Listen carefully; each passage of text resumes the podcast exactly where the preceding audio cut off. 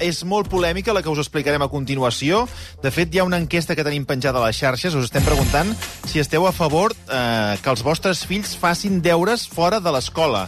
A banda de respondre a aquesta enquesta, també podeu dir-nos la, la vostra eh, a través de les xarxes socials.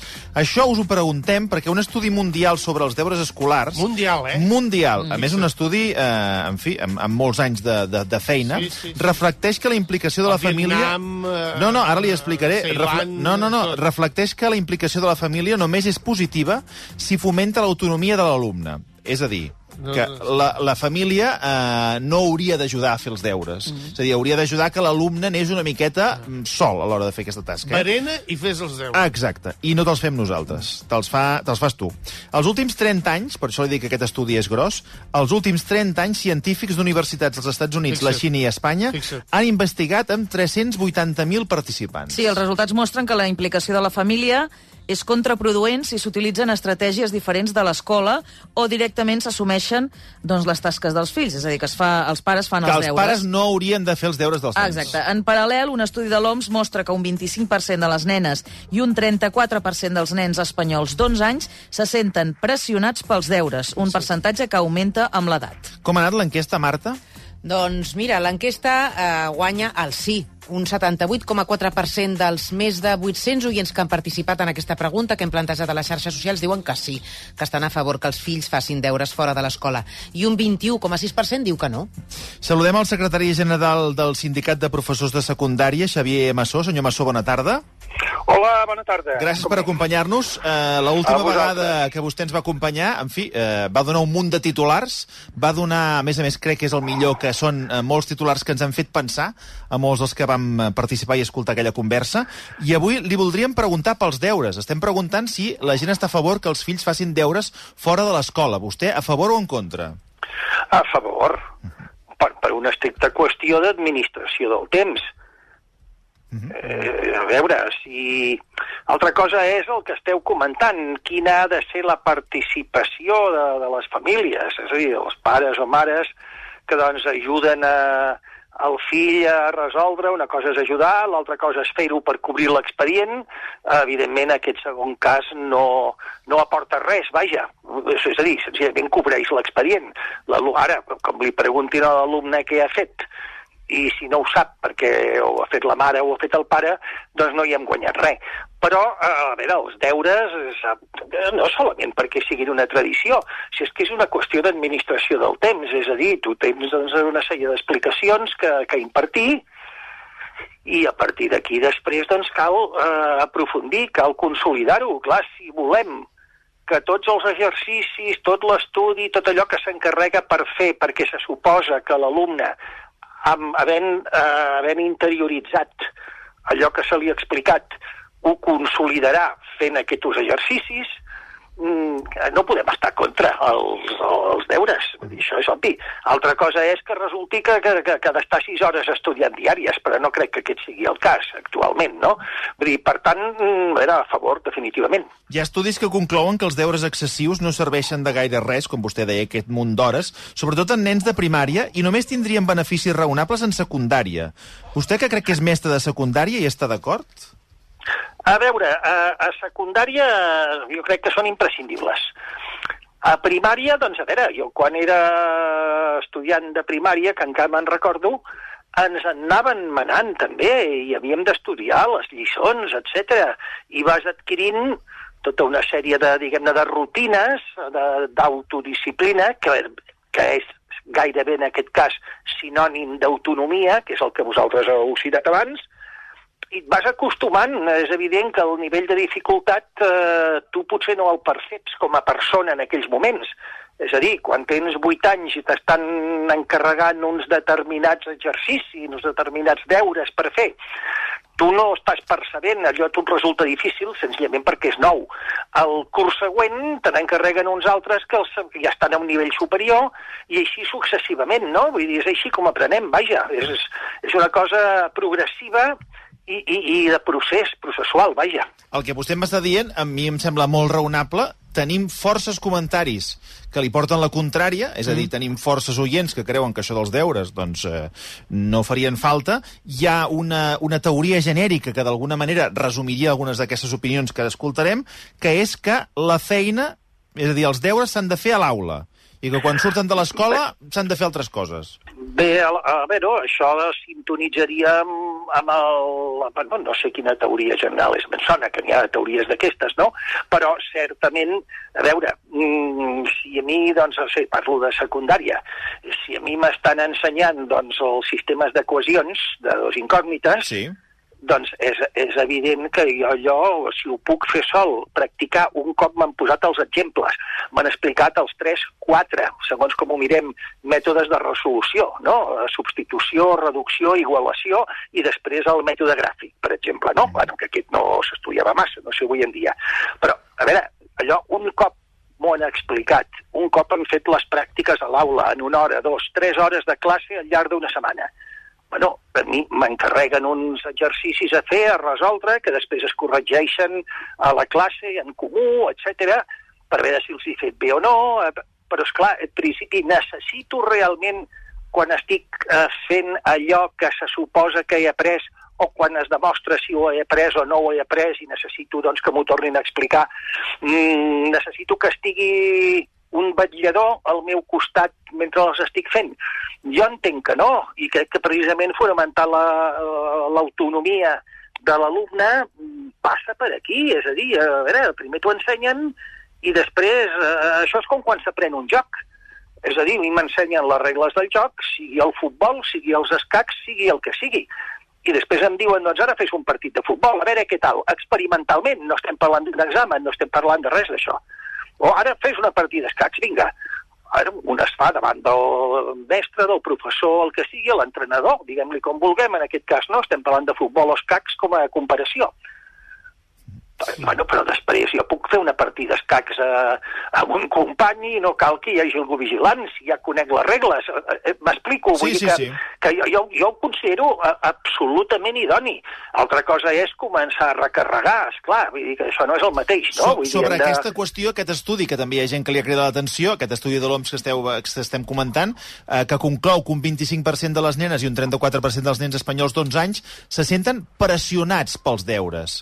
I hem vist respostes en aquesta pregunta que, que deien, home, pressionats... Mas, masses. Pre pressionats? Com es pot sentir pressionat un, un nen d'11 anys? I quan és massa? Vostè eh, entén aquest concepte de pressió de so, amb, amb deures sobre nens Sí, d'11 anys? a veure, sí que l'entenc. A veure, la pressió... A veure, no té per què tenir necessàriament un, un contingut pejoratiu. És a dir, la pressió és el que he de saber superar l'ansietat, també per dir-ho així, que a la que pot arribar si no suporto la pressió, és, a, a veure, saber superar això i, a veure, el moviment es demostra caminant. Vull dir, quan veig que ho sé fer, etc etc, doncs ja he avançat un pas. És a dir, jo, la idea aquesta de la pressió vol, què vol dir? Que només... No li dic a vostè, eh? Sí. Entengui, m'ho estic dient figurativament. A veure, si la pressió resulta que és que jo per començar a resoldre problemes eh, ja ho estic fent, ja n'he fet 20 amb el professor, amb el mestre, i aleshores que fer-ho sol em posa pressió, home, doncs, és clar, la, la vida ens, eh, ens fica pressió, sempre, això, això és lògic, i ens hi hem d'anar acostumant. És a dir, és exactament el mateix que doncs li diuen, bueno, escolta, ara jo t'he ensenyat a llegir, però ara a casa llegeix un llibre i me'n fas un resum. Uns quants anys després, ja a l'ESO, fes-me una recensió de, de tal obra o de tal altra. A veure, es, això és ficar pressió.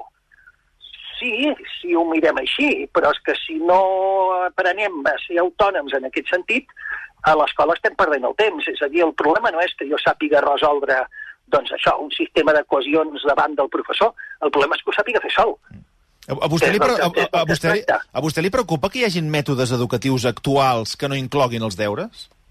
Uh, sí, em preocupa perquè els deures s'han de fer. Aleshores, si no es fan, mm, si no es fan a casa, vol dir que es fan a, a, a l'escola.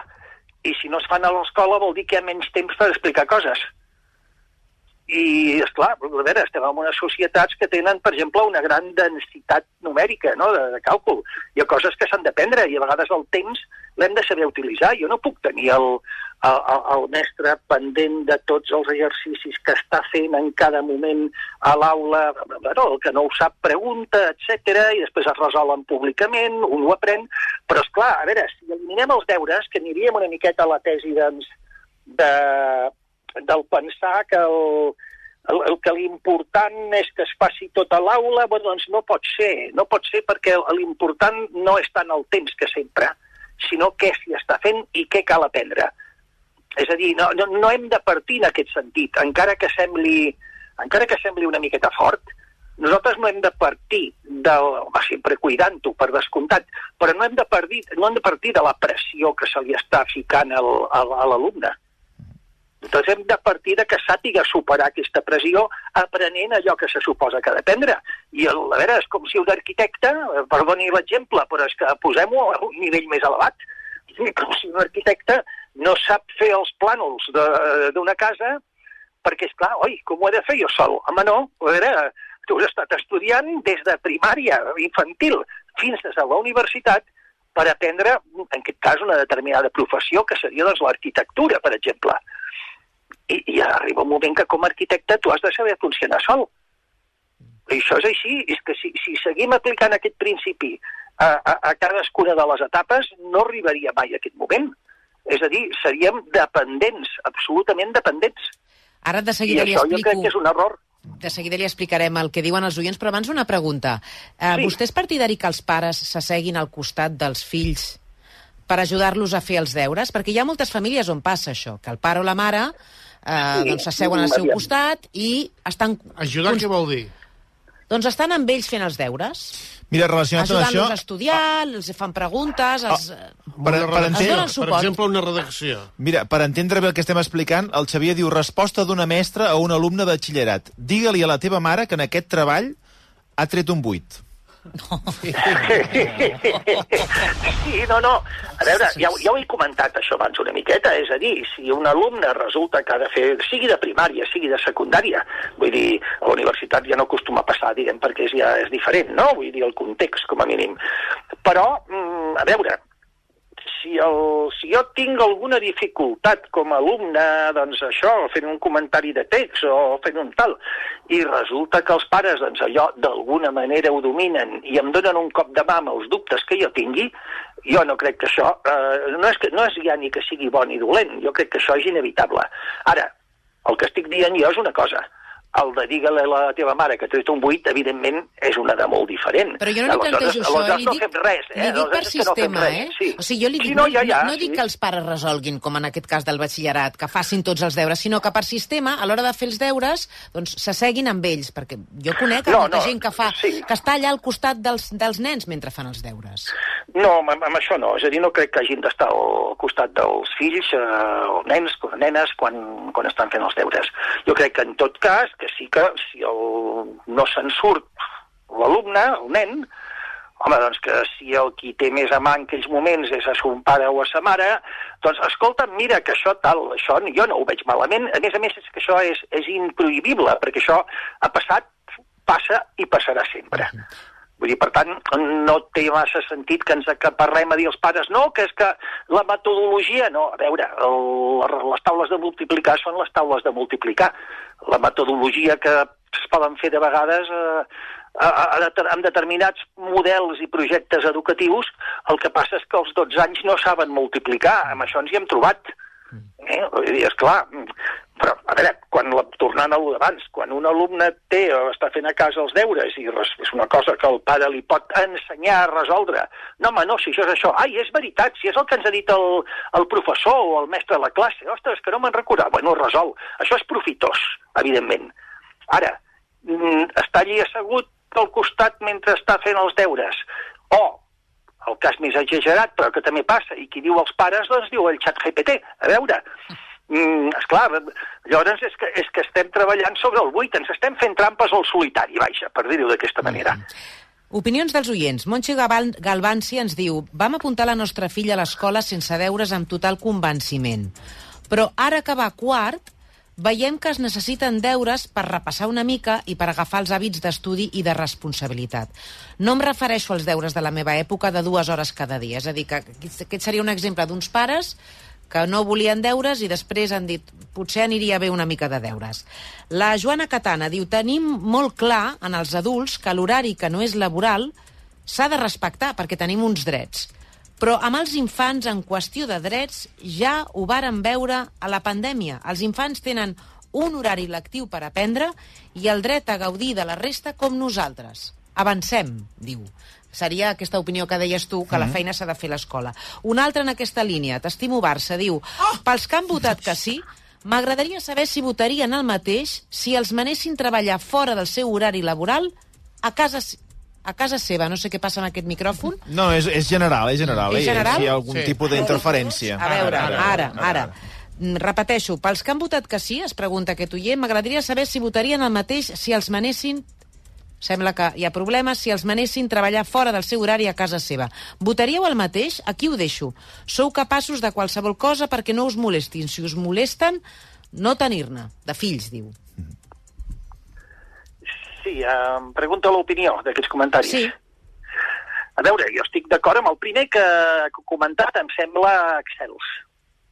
Uh, lo dels drets, a veure, no, a veure hem, hem, no hem de no hem ni de mercantilitzar ni de laboralitzar el que és uh, l'educació, el que és l'ensenyament. Mm, un alumne uh, té una feina que fer, efectivament, però és que no és el mateix que tenir un lloc de treball remunerat, doncs a l'honorari, sigui a la fàbrica, sigui a l'oficina, sigui on sigui. No és el mateix. Uh, L'alumne està aprenent.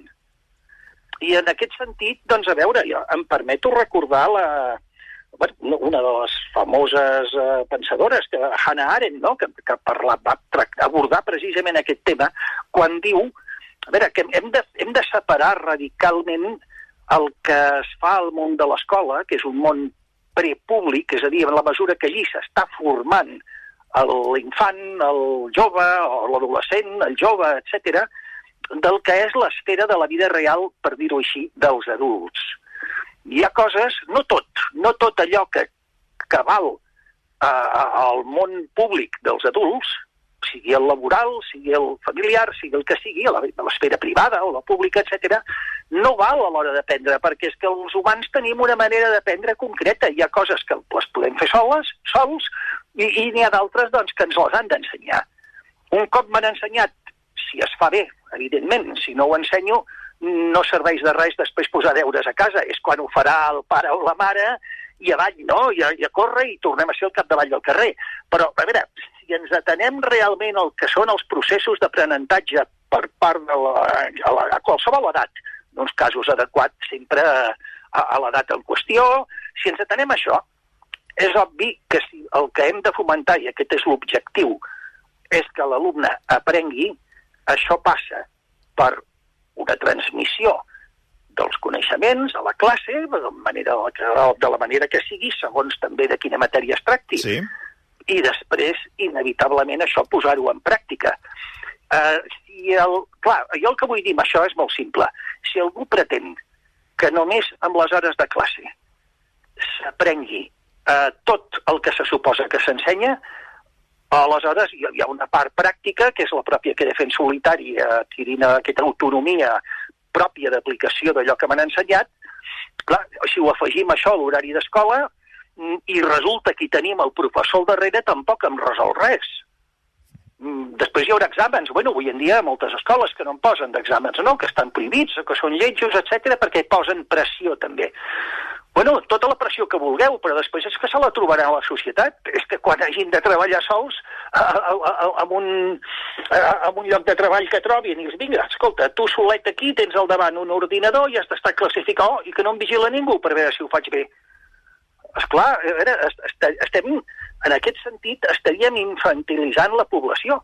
I si el que pretenem, al contrari, és que tot el temps escolar sigui l'únic temps dedicat a la tasca d'aprendre, acadèmicament parlant, eh, bueno, doncs, clar, a veure, o l'allarguem, però l'alumne hauria de seguir fent-ho sol, perquè no serveix de res si hi ha l'altre que, el, que el controla i que el vigila i que li diu Per això no serveix de res tampoc que estigui el pare assegut al davant o la mare.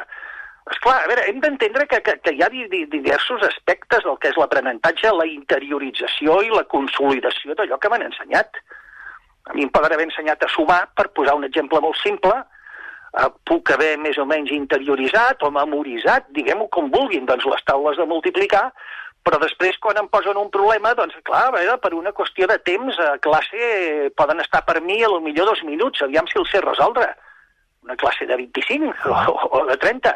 Clar, si després m'encarreguen una sèrie de deures, jo aleshores puc ac- autoacreditar, i és, i és el saber que, carai, que he adquirit una autonomia fonamental, que és el saber resoldre un problema d'aritmètica, per exemple, per mi mateix, perquè he après el que m'han impartit. Si pretenem que d'alguna manera, i en aquest cas més indiferent, tot i que no és el mateix, però en aquest cas més indiferent que sigui el mestre o que siguin el pare o la mare que estan pendents sempre al damunt, a veure, aquest nen no agafarà mai autonomia, i si això ho apliquem a tots els àmbits de la vida del, del nen, doncs eh, malament anem. Malament perquè est- estarem creant persones fututs, futurs adults absolutament dependents. I Que el que es és- tracta és d'adquirir autonomia. És clar, és el que he dit abans, perdoni que...